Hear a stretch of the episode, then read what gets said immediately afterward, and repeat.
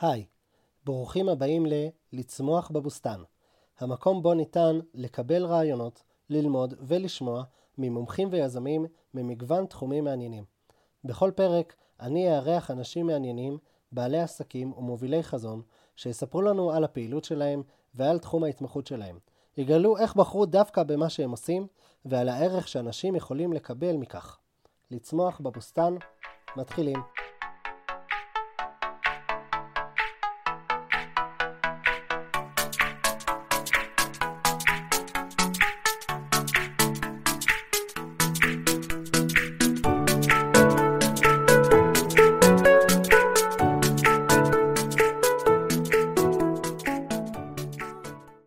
ברוכים הבאים לעוד פרק של אה, לצמוח בבוסתן. איתנו היום נמצאת יפה טנא. שלום יפה. שלום וברכה. איזה כיף שבאת, תודה רבה. בשמחה. אז אה, באמת המטרה שלנו זה להכיר אותך, להכיר מה את עושה, מה את רוצה לעשות. אז בואו נתחיל באמת בהתחלה. מי את? ספרי לנו קצת על עצמך. אה, אוקיי, אז אני יפה טנא, אני אה, נשואה לבני, אימא לשמונה, סבתא לארבעה. אה, אה, ובמישור המקצועי, אני, אה, כיום אני פסיכותרפיסטית, אה, ועברתי דרך עד שהגעתי לשם. בתואר הראשון שלי אני עובדת סוציאלית, בתואר השני שלי אני מטפלת בפסיכודרמה, ולאחר מכן אה, למדתי גם את הפסיכותרפיה, כשבמהלך כל הדרך הייתי, למדתי גם טיפול זוגי ומשפחתי, טיפול בנוער. במהלך אה, אה, החיים המקצועיים שלי, הייתי עשרים שנה ראש הצוות הטיפולי בכפר הנוער בית חגי. אה, שם הייתי אה, באמת אה, שותפה למפעל ענק של אה, אה, מקום שבעצם מצמיח נערים מאפס. אה, והופך אותם לאנשים, לבני אדם, לאנשים שתורמים לקהילה ולמקום. אה, הדרכתי שם את הצוות, טיפלתי בנערים, זה היה מקום מדהים לצמוח בו גם, אה, גם אני באופן אישי, ולהצמיח את האחרים שהיו שם, את האנשים ואת הנערים שהיו שם. ובעצם לפני uh, כעשר שנים, לא פחות, לפני שמונה שנים, עזבתי את כפר הנוער והפכתי להיות עצמאית. Uh, כרגע אני uh, גם מטפלת באנשים, uh, נשים וגברים וזוגות בקליניקה הפרטית שנמצאת בחצר של הבית שלי. אני עושה את זה בכל מיני דרכים שלמדתי במהלך השנים, עם ככה הרבה מאוד שנים של ותק, גם פסיכודרמה כמובן, גם קלפים טיפוליים, גם קצת אימאגו, גם אה, אה, עוד כל מיני. אני מאוד מאוד מנסה להתאים את, ה, את השיטות שלמדתי והכרתי במהלך השנים למטופלים. איזה יופי. מלא, אה, ממש על הרצף נתת את ה... קצת באמת שאיך הגעת לזה, נקרא לזה ככה. כשפירוש המילה פסיכותרפיה באופן כללי... היא הפסיכולוגיה של הנפש בעצם. ריפוי, ריפוי, אם אני מבין. כן. ריפוי, ריפוי של הנפש. ריפוי הנפש. וכמו שאמרת גם מקודם, זה דורש הרבה כלים וכלים מגוונים, ואחד הדברים שהדגשת זה שבסוף צריך להתאים לבן אדם או לזוג, למי שבא לקבל את הטיפול, להתאים לו את הכלים, כן. שזה אתגר מאוד מאוד משמעותי, נכון. וזה משהו שאת... אה, מאוד, אה, מאוד אה, עושה. משקיעה בקליניקה, בו. משקיעה בו הרבה מאוד, ו... ומתאימה, בעיקר עובדת על היכולת ליצור קשר. ואני מאמין, באופן כללי מאמינה שהיכולת, כשאנחנו יוצרים קשר עם אנשים, אז השמיים הם הגבול, היכולת לעשות שינוי והיכולת לעשות uh, עבודה פנימית, uh, באמת uh, עושה, עוזרת לאנשים באמת לעשות צעד מאוד מאוד גדול מתוך הקושי, מתוך הכאב, למקום של ריפוי וצמיחה. כי הקשר הזה, את אומרת שהוא בסיס. אני תמיד קוראת לחדר הטיפול מעבדה. ובתוך המעבדה אנחנו עושים את כל הניסויים. וכשהקשר בין המטפל למטופל הוא קשר בריא ו... וטוב ויציב, המטופל מרשה לעצמו להביא את כל התכנים שאנחנו אפילו לא מרשים לעצמנו לדמיין לעצמנו. וכשהתכנים האלה באים לידי ביטוי, כעסים, קנאות, אה, אה, קשיים אה, ש, שהוא נתקל בהם ביום יום וקצת פדיחה לו לחשוב שהוא אפילו נתקל בהם ופתאום זה עולה בחדר הטיפול ואני מגיבה כמו שאני מגיבה, יש שם איזושהי רשות להתמודד עם הפחדים האלה או עם הקשיים האלה גם בחוץ. אה, והרבה פעמים אנחנו רואים שמטופלים משליכים על המטפל כל מיני אה, יחסים שהיו להם בעבר עם כל מיני אנשים וכשאני מגיבה אחרת מאותם אנשים שבעצם הם משליכים עליי שם, שם מתחיל הריפוי ושם מתחיל השינוי, שם מתחילה ההבנה שהאדם הוא, אדם, הוא יצור אה, ש, שלפעמים תלוי ב, ב, ב, בקש... במה שהוא חווה בעבר, אבל לא חייבים להמשיך עם זה הלאה. אני ככה נותנת תמיד את הדוגמה שכשאנחנו נוסעים לחו"ל, אנחנו אה, יורדים מהמטוס ויש את המסוע שבעצם לוקח את המזוודות ואנחנו צריכים לבחור את המזוודה שלנו. אני תמיד אומרת למטופלים, יש את המזוודות שלכם ויש את המזוודות של האחרים. תיקחו רק את שלכם, ועם זה תמשיכו הלאה. ואנחנו בעצם מאוד מעודדת אותם לא להרגיש איזה שהם רגשי אשמה או בושה על כל הדברים שהם לא רוצים לקחת איתם הלאה לחיים. ואני מרגישה שזה נותן הרבה עוצמה וכוח לאנשים להמשיך אה, להמשיך בחיים ממקום, אה, ממקום נכון יותר, ממקום אה, מיטיב עבור עצמם וממילא עבור הסביבה שלהם, ילדים, בני זוג וכולי וכולי. איזה יופי, נתת המון המון דימויים ואחד הדברים שקפצו לי, המסוע הזה, בדוגמה הזאת בעצם הבסיס הוא המילה הפרדה. זאת אומרת שבסוף בן אדם ידע להפריד ולדעת מה שלו ומה לא שלו. נכון. ואת אומרת שכשאת נותנת פידבק במהלך הטיפול והוא שונה ממה שהם ציפו, כי בגלל אירועי העבר הם ציפו למשהו נקרא לזה שלילי, ופתאום כן. הפידבק הוא לא בהכרח שלילי, הוא מקבל, מכיל, נכון. כל הדברים האלה, אז פתאום הבן אדם יכול בעצם לתפוס את זה אחרת. עכשיו הוא יכול להבין מה המזוודה שלו ומה המזוודה נכון, של מישהו אחר. נכון, ויכול לקבל לגיטימיות לנפרדות. כי הרבה פעמים אנחנו מרגישים נורא אשמים כשאנחנו מבקשים את הנפרדות שלנו, אם זה מההורים, אם זה נשים שרוצות פתאום להתחיל לחיות את החיים שלהם, ופתאום הן אה, אה, מפחדות שמא הילדים אה, יקבלו פחות, ו, ו, או הבעל, והיכולת, הרשות לקבל נפרד, להיות מופרדת ועדיין להיות אישה שגם נותנת לעצמה וגם נותנת לאחרים, ולהפך בעיניי נותנת יותר לאחרים כשהיא מופרדת, היא, היא איזושהי תובנה שאנשים יוצאים ממנה מאוד, מאוד חזקים. זה מאוד חזק המסר הזה, זה מסר שאם אני מבין נכון את הפירוש המילה ששמעתי לפני כמה דקות, סימביוזה, שזה okay. אוקיי. אומר, אם אני מבין נכון, זה אומר שבן אדם הוא יכול לגדל את עצמו וזה לא פוגע באחרים ואפילו להפך. זה תורם לאחרים. נכון, זה לא בדיוק הפירוש של המילה סימביוזה, אבל זה לא באמת משנה. מה שמשנה זה שבאמת אדם יכול לגדל את עצמו בלי לפגוע באחרים. להפך, אני חושבת שכשאדם לא מאפשר לעצמו לגדול, לצמוח, להיות הוא, הוא פוגע באחרים. זה, זה לא רק שזה כדאי, זה, זה, זה הפוך, זה... זה מוכרח. מש, זה מוכרח מהמקום, לא רק מהמקום של האדם עצמו, אלא גם מהמקום של הסובבים אותו. תמיד נותנים את הבדיחה על הפולניה שיושבת בבית ואומרת לבן שלה, קר לי, חשוך לי, עצוב לי, אבל לא נורא, תישאר עם אשתך. ואז איזה תחושה יש, זה, זה, זה חוסר נפרדות, כאילו, זה המקום שבעצם לא מאפשר לבן להיות עם אשתו, כי קר לאימא שלו, מה הוא יעשה, מה הוא לא יבוא ל... להדליק לה את האור ולהצית לה את התנור נפט, ואז הוא לא יכול להיות מופרד. וכשאימא באה ואומרת, אני מסתדרת, אני יכולה, אני אקרא לשרברב, או אני אקרא לאיזה חשמלאי שיבוא לתקן לי את החשמל, ואתה תהיה עם אשתך, ולך יהיה טוב, ולי יהיה טוב, והכל בסדר, שם יש מרחב uh, לצמוח. לתת את המרחב הזה. כן, מאוד משמעותי. המרחב זה מאוד משמעותי, uh, ומה הערך שאת מקבלת מ... מהטיפול שאת עושה לאנשים? אה, אני קודם כל מאוד אוהבת. אני, אה, יש לי סקרנות מאוד מאוד גדולה למרחבי הנפש ולפתלתלות שלה ולעומקים שיש בה. אה, אני, מאז שאני זוכרת את עצמי, אני אדם שמאוד, אני, אני באופן כללי אדם מאוד רגיש, בוכה מאוד בקלות, אה, והחלטתי להפוך את זה לעוצמה שלי.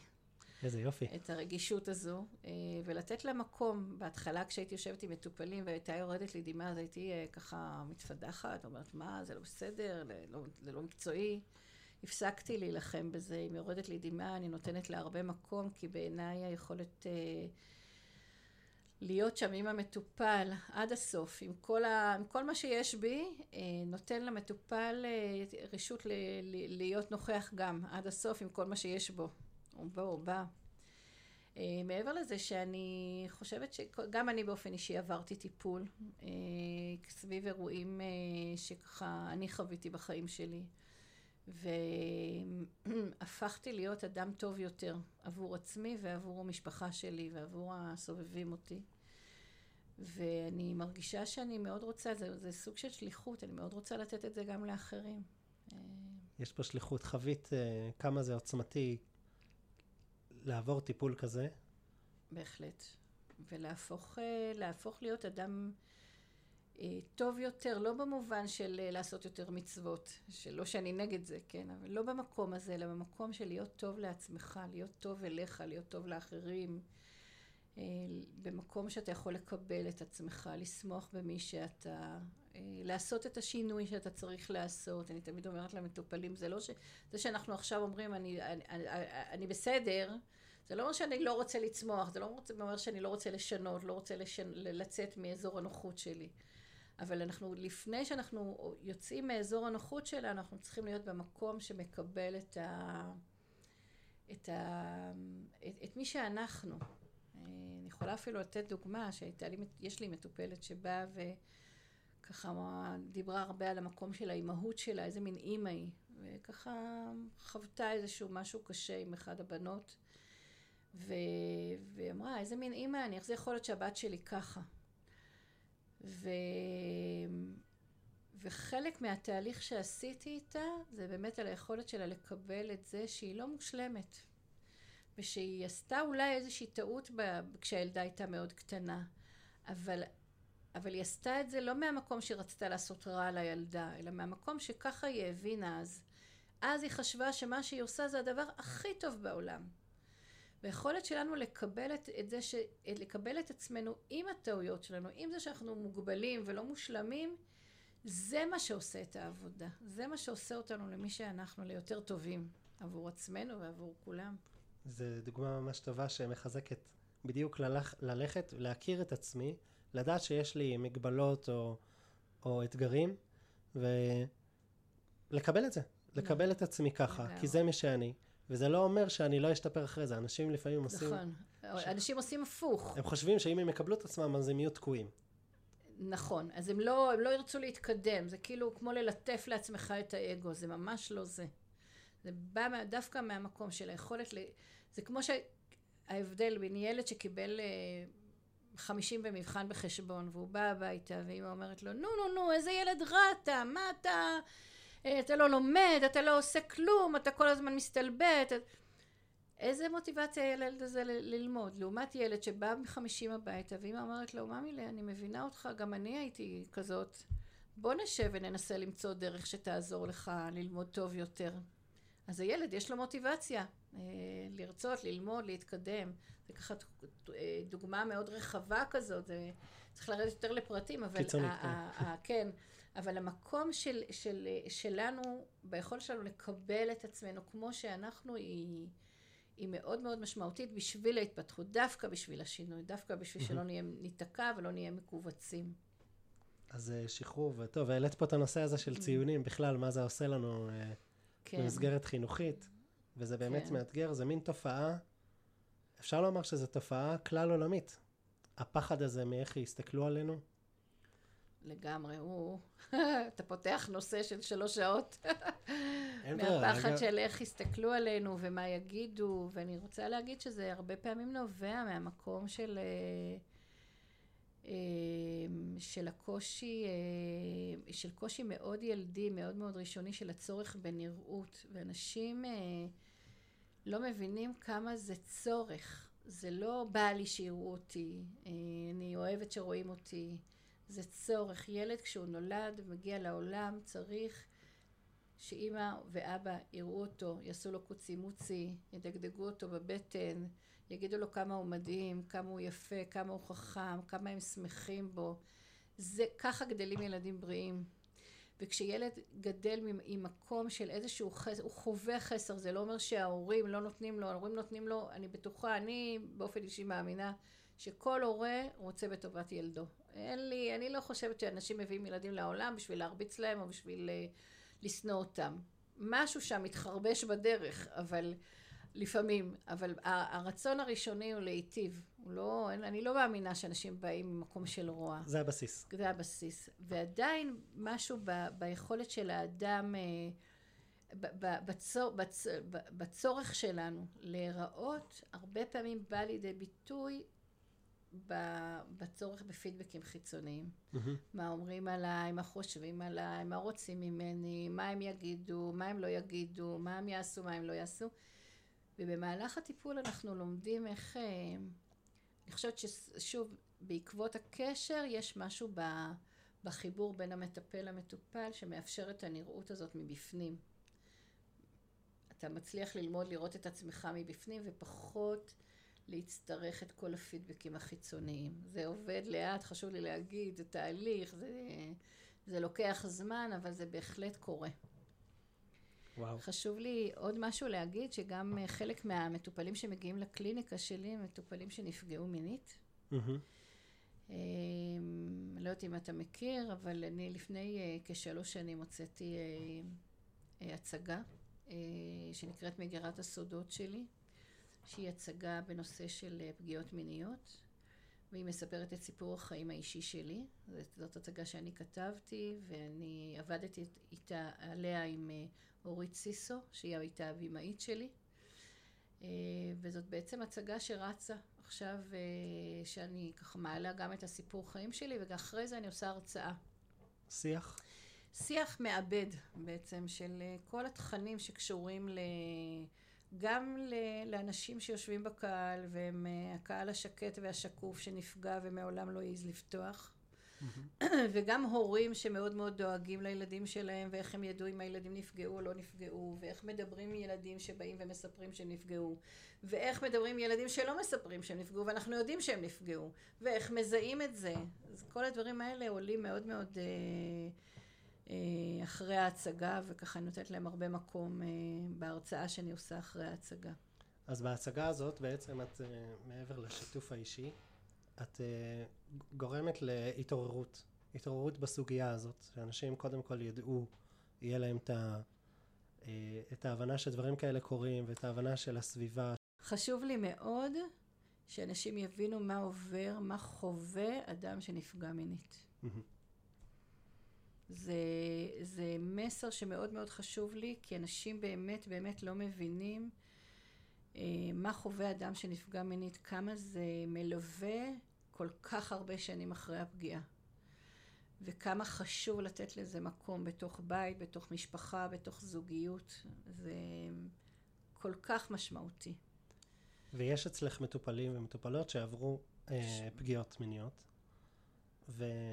ואת מלווה אותם בתהליכים, נקרא לזה הכי פנימיים בסוף. זה, את אומרת שגם מניסיון אישי, זה דבר שחווים אותו והוא כל כך עמוק מצד אחד. מצד שני, יש דרך לצאת ממנו. לגמרי. אני מאוד מאוד מאמינה בצמיחה שאחרי, ואני באופן כללי מאמינה שאדם חווה משבר, אז אנחנו אף פעם לא מזמינים את המשבר, ותודה רבה, כמו שהייתה אומרת לי אימא שלי, מויכל טויבס, שלא יבוא משבר, ושלא נצמח מזה, והכל יהיה בסדר. ש... ואני מאוד מאמינה בזה, שכאילו אנחנו ממש לא מזמינים משברים, ותודה רבה, אבל ברגע שחווים משבר, אז, אז, אז באמת אני מאמינה שאדם צריך לחפש את הדרך שלו לצמוח משם. לא כי צריך לבטל את המשבר, צריך לתת המון מקום למשבר.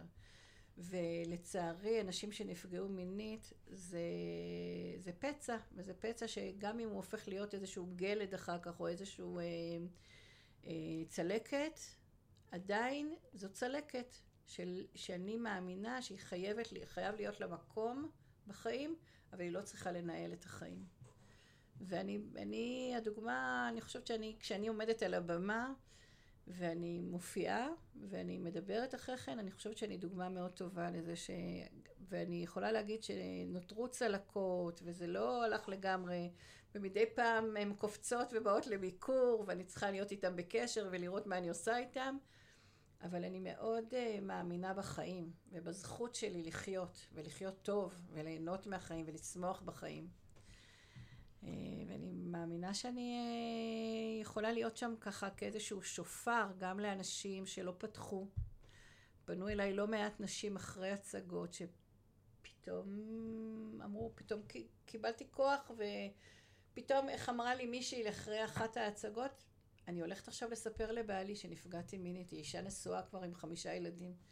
אני הולכת לספר לבעלי, ולמחרת ליוויתי אותה והייתי איתה בקשר ובדקתי איתה מה שלומה, ואיך בעלה הגיב, ואם היא בסדר, והדרכתי אותה ללכת לטיפול במקום שהיא גרה בו, ופתאום נשים מקבלות רשות ל... ל... לתת מקום, כן, להתמודד ולתת מקום לפגיעה, אבל לא להפוך להיות הקורבן של הפגיעה. once זה קרה, זה קרה, אנחנו, הרבה פעמים נשים מרגישות המון רגשי, עד שבכלל מבינות שהן נפגעו. אני באופן אישי נפגעתי ולקח לי הרבה מאוד שנים להבין שנפגעתי. כי הייתי בטוחה שאני, ילדה בת 12, פיתיתי בן אדם בן 30. כאילו, ממש הייתי, זה היה לי, הייתי סגורה על זה, לא חשבתי, לא התלבטתי, הייתי סגורה על זה. זה היה מנגנון? שאני... זה היה מנגנון הגנה מאוד חזק? והוא מאוד אופייני לנפגעות תקיפה מינית. מאוד אופייני. גם, וחשוב לי להגיד, גם לנפגעות וגם לנפגעי. למרות שהמנגנונים עובדים קצת אחרת אצל נפגעים, אצל גברים זה יותר פוגע במקום הגברי, במקום המצ'ואיסטי, הם נורא מתביישים להודות, זה מביך אותם, זה אומר שהם חלשים, שהם קטנים בחוויה. בעיניי לא, אבל זה, זה מאוד מאוד משמעותי, טיפלתי במישהו, אה, בכמה גברים ש, שנפגעו, זה פוגע מאוד מאוד במנגנון הגברי וביכולת להיות אה, גבר. אה, בסנטר הזה. כן, לגמרי. את אומרת, כל אחד בסוף לוקח את זה אחרת, ויש הבדלים כן משמעותיים בין נשים שנפגעו לגברים שנפגעו בכל מיני, אבל זה המנגנונים בסוף. לפני זה הבסיס, זה הבסיס העיקרי. יש איזשהו משבר, קרה, אין מה לעשות. לדעת להכיל אותו, לדעת שהוא קיים קודם כל, זה מעורר את זה שלפעמים יש, וגם אם לא קרה לי, לשים לב לסביבה, לראות שזה קורה, כן. לקרובים אליי, למשפחה, אה, וגם אה, אחרי שנתנו לזה מקום, לא ליפול מזה, אלא לקחת את זה לצמיחה. כן, לא שזה... להפוך להיות הקורבן של ה... לא להתנהל מתוך זה. וזה מה שקרה במנגנון. המנגנון גרם לנו להתנהל מתוך זה. להחליט החלטות, לדמיין סיפורים שהם לא היו. נכון. אז זה מאוד מאוד חזק. תודה רבה. ראיתי אה, תוך כדי שהיה לך שיח עם עצמך. שיח עם כל מיני רגשות שעולים ואז עונים להם. זה מאוד מעניין, מה זה הכלי הזה?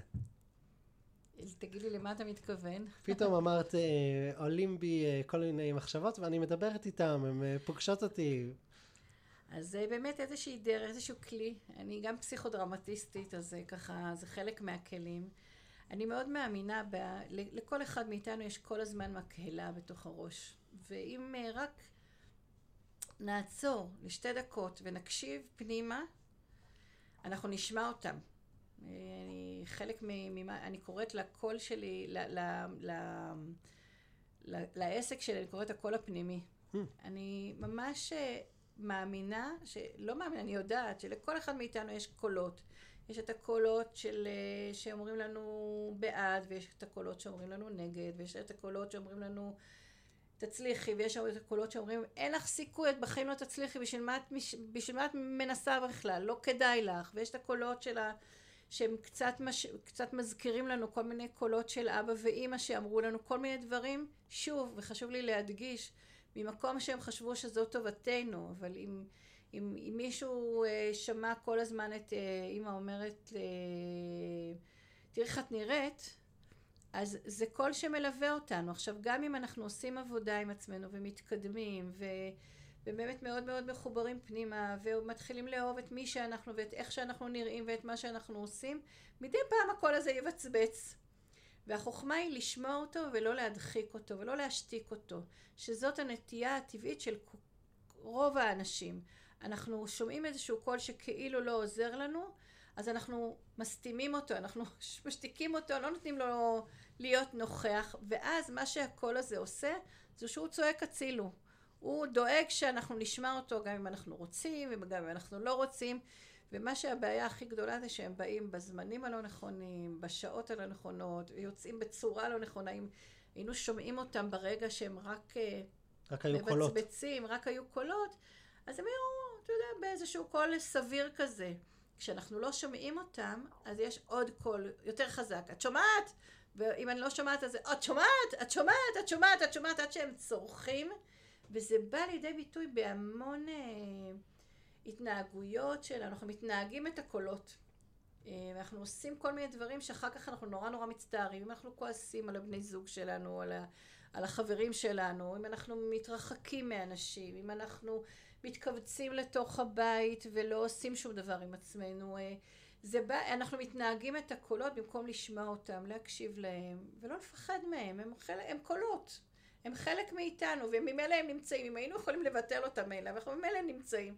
אז בואו נקשיב להם, בואו נשמע אותם, וניתן לעצמנו רשות גם לענות להם, זאת אומרת, לחלק שהתפתח, לחלק המבוגר, שמתפתח סביב אה, קולות אה, כאלה ואחרים. בתור, בתור מבוגרים כבר יש לנו קולות אחרים, אנחנו כבר אנשים אה, שלמדנו את החיים, אנחנו כבר יודעים שצברנו כבר קצת הצלחות, צברנו קצת, לא, אנחנו לא רק הילדים האלה שנכשלו במבחן בחשבון, אנחנו יכולים להגיד שאנחנו הצלחנו בזה, והצלחנו בזה, והצלחנו בזה, אבל אם אני לא שומעת את הקול של הילד הפנימי שנכש... שמשמיע כל הזמן את הקולות של הילד הנכשל הזה, אז פתאום אה, הוא חייב לצעוק את עצמו, הוא חייב, איך אני אומרת, חייב לצעוק את עצמו לדעת, עד שנשמע אותו. ואז אנחנו נורא מצטערים, זה כבר לטפל ב, בכל מיני סיטואציות אה, מורכבות שאנחנו עושים. וה, והשיח עם המקהלה הפנימית הוא שיח נורא מעניין. אני תמיד מציעה לגשת אליו בסקרנות, ולא בביטול ולא בכעס. יש מקום להרבה קולות בתוכנו. ו- ורק אם אנחנו נצליח לשמוע את כל הקולות האלה, אנחנו בסוף נצליח למצוא, איך אמרת קודם, את הסנטר שלנו, את הקול שהוא באמת אני. שלא מבטל את הקולות, אבל גם לא אומר להם, לא נותן להם עכשיו לנהל לי את החיים. איזה טיפ היית נותנת לבן אדם שהוא מבין את החשיבות של השיח הפנימי, אבל לשמוע את עצמו, אבל קשה לו לשמוע? להרבה אנשים יש uh, יום יום עמוס, הם uh, לא, הם עסוקים בכל מה שעסוקים, בטרדות כאלה ואחרים, או, או אפילו לא טרדות, אלה דברים טובים, אבל עדיין. ובאיזשהו מקום בן אדם מבין בראש, הוא מבין שהוא, כדאי לו לשמוע את הקולות האלה, וזה קולות של הרגש יותר. נכון. איך, איזה טיפ היית נותנת לבן אדם ש... אז אני מציעה חמש דקות של שיח פנימי. חמש דקות. ואני מציעה להתחיל עם זה את היום, ולא לסיים עם זה את היום. להתחיל את השיח ב, ב, אפילו ב... מי שלא מצליח לנהל שיח, אפילו רק לנסות לשבת חמש דקות בבוקר עם הכוס קפה ולדמיין את הילד הקטן שבתוכו.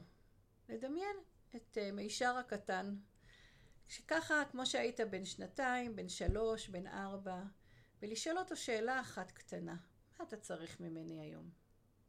רק זה. מה אתה צריך ממני היום? ככה לדמיין את הילד הקטן ולשאול אותו מה אתה צריך, מה אתה רוצה. יכול להיות שהוא יצטרך רק חיבוק, יכול להיות שהוא יצטרך אה, מילה טובה, יכול להיות שהוא יצטרך שתסתכל לו בעיניים, ויכול להיות שהוא יגיד לך, בא לי שתשחק איתי כדורסל, אתה מסכים? ויכול להיות שתגיד לו שיש לך זמן בשבילו היום, ויכול להיות שתגיד לו שהיום שלך מאוד מאוד עמוס. אבל עצם זה שאתה תדע שהוא צריך שתהיה איתו בקשר, זה מאוד מרגיע את המקהלות האלה. זה, זה השיח הפנימי עם הילד הקטן.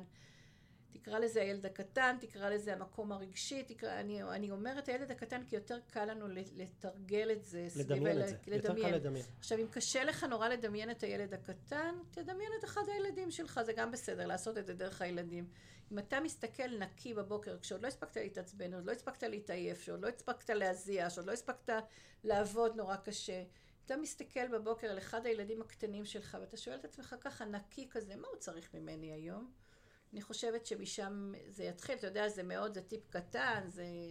זה טיפ קטן, אבל הוא משמעותי בכמה היבטים שאני מציין אותם, גם אמרת אותם, אבל אני מדייק אותם. קודם כל שזה יהיה בתחילת היום, אני לא עייף ואני לא עצבני, זאת אומרת זה נקי. והדבר השני זה מאוד, זה מאוד פתוח.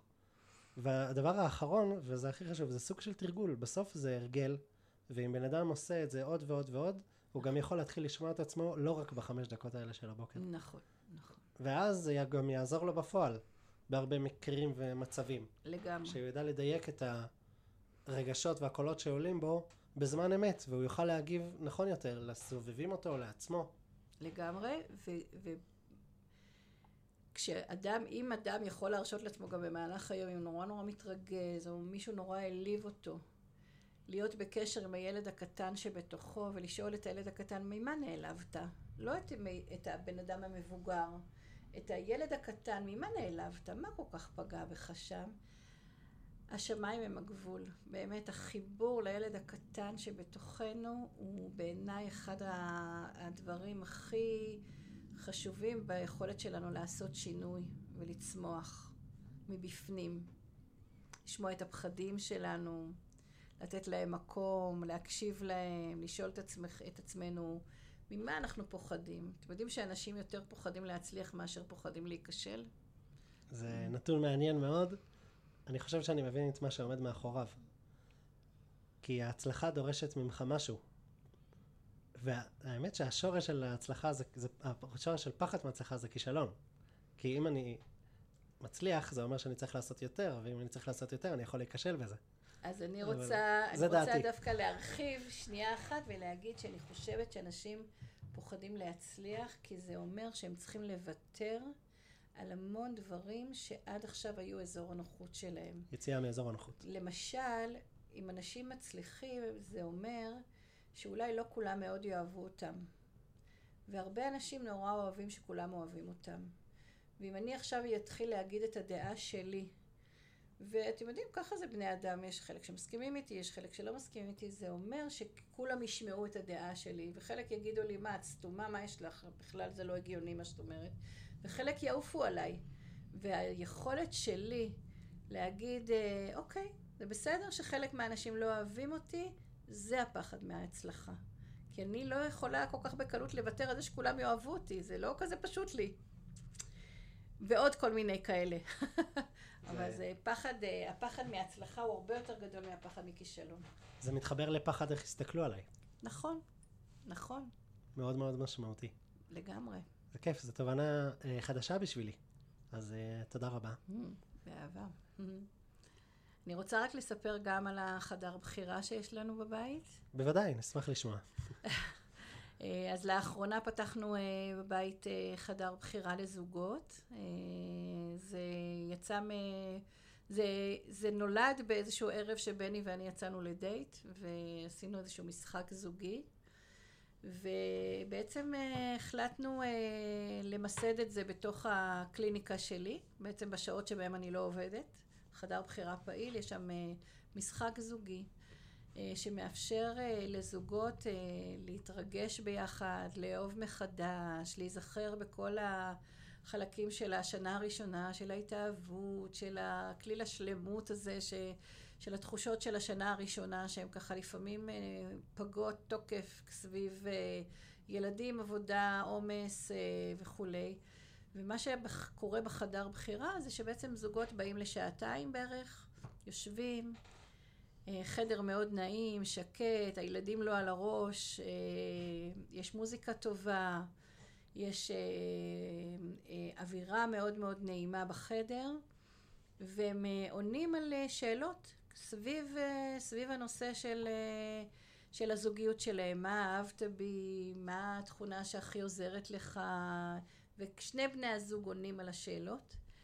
אה, יש שם כל מיני פעילויות שעושים, קצת מסאז' לעשות, יש שם כל מיני מכשירי מסאז' קטנים, תעשה לה, תעשי לו, שתי, שתי דקות מסאז' ככה מאוד בקטנה, מאוד בקליל, יש שם משחק תקשורת, יושבים גב לגב ועושים איזשהו משחק תקשורת וככה בודקים את התקשורת הזוגית וכמה זה מצליח אה, באמת ל, לעבוד ביומיום, שאתה אומר לה משהו והיא לא בדיוק הבינה, או הפוך בדרך כלל, כן, לא נעים להגיד, אבל... אה, שהיא אומרת לך, ואתה אומר, אה, אבל לא הבנתי את זה ככה וכזה, אז ככה זה איזשהו דרך ללמוד שם בחדר גם על, הח... על החלק של התקשורת הזו.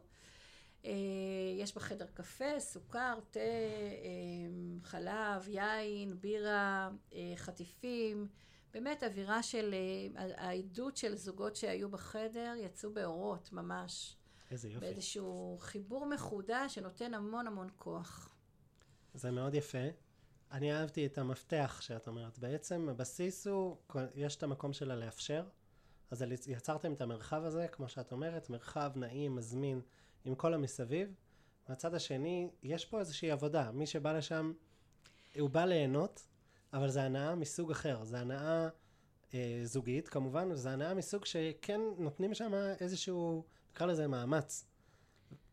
אה, זה מאמץ אה, זוגי מאוד חיובי, חשוב לי להגיד, זאת אומרת, אנחנו לא, בעיקרון לא מדברים שם על מה מעצבן אותי בך או מה מעצבן אותי בך. בכוונה לא, כי אנחנו באמת רוצים להקדיש את הערב הזה רק לדברים הטובים.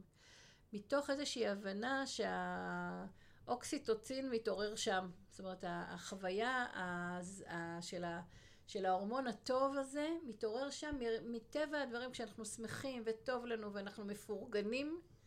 יותר קל לנו לעשות גם את הדברים שקשה לנו לעשות. אז בערב הזה אנחנו מקדישים אותו רק לצדדים החיוביים, ואני, כמו שאתה מבין, יש אצלי הרבה מקום גם לצדדים הלא חיוביים, אבל לא בערב כזה. בערב כזה אנחנו נותנים עבודה דווקא במקום של לפרגן ולראות את הטוב ולשמח ו... ולהיזכר בכל הדברים שנורא אהבנו וככה איפשהו הולכים לאיבוד בעומסים של היום יום. ו, ובאמת זוגות מעידים על זה שזה נתן להם כוח לא לחצי יום אחרי, לחודש אחרי, לחודשיים אחרי, זה עושה עבודה, זה עושה, עושה נורא טוב. ואנחנו מוסיפים לשם גם ארוחת ערב למי שרוצה, תמורת תשלום, אה, שככה נועם שרה, הבת שלנו הקטנה, היא זאת, היא אחראית על זה, והיא עושה את זה בגדול. מישהי השבוע אמרה לי, תקשיבי, גרג פריירים לידכם. אז אני חושבת שהיא קצת הגזימה, אבל uh, זה בהחלט ארוחת ערב נחמדה, כיפית. Uh, בזכות האווירה החיובית, אז היא גם כן. הרגישה טוב עם האוכל, זה כבר לא משנה. אז כן. זה פרויקט ממש נפלא. תודה רבה ששיתפת באמת על הפרויקט הזה ספציפית, זה יכול לעניין, אני מניח, הרבה אנשים. אה, בעצם שמעתי, אם אני מסכם קצת, המון המון דברים, ויכול להיות שהזמן הזה לא מספיק, אבל uh, מסיכום ברמת הטיפול האישי, ולעשות דברים שמעבר, והצגה uh, uh, ושיח uh, בנוגע לתקיפות מיניות, ואיך להתמודד עם זה ולהכיל את זה, ובסוף גם החדר בחירה הזה, הם הם כולם אה, בכיוון מאוד מאוד אה, מגמתי אה, להוסיף את הטוב בתחום הנפש, וזו ברכה גדולה. אני מאוד מאוד שמח שהצלחתי לשמוע את כל הדברים שאת עושה. אה, דרכי גישה, אם אנשים היו רוצים להגיע אלייך, לשמוע על איך להגיע לכל אחד מהדברים. אז הכי פשוט זה לשלוח לי וואטסאפ או להרים טלפון. יכולה לתת את המספר שלי. אני אשים אותו בתיאור okay. של הפודקאסט. מעולה. אז uh, לתת, uh, אני, אז להתק... פשוט להתקשר או לשלוח וואטסאפ, כי לפעמים אני לא עונה כי אני בפגישה, אז uh, פשוט לשלוח וואטסאפ או הודעה, ואני תמיד שמחה לענות ו... ולעדכן ולתאם ומה שצריך, בשמחה. איזה כיף. תודה רבה. עוד משהו שהיית רוצה להוסיף? עוד איזה מסר? לא. תעשו שינויים ותגדלו ותצמחו ותאהבו את עצמכם. ותיתנו הרבה הרבה טוב לעם ישראל. זה המסר לסיים איתו. כן. תודה רבה. תודה לך, גם לי. להתראות. להתראות. תודה רבה שהקשבתם לפרק הזה. אם את או אתה אוהבים את הפודקאסט או הפרק המסוים הזה, פשוט שתפו אותו לחבר או חברה שיכולים להפיק ממנו ערך. זו אחלה דרך לעזור לחברים. שיהיה המשך האזנה נעימה.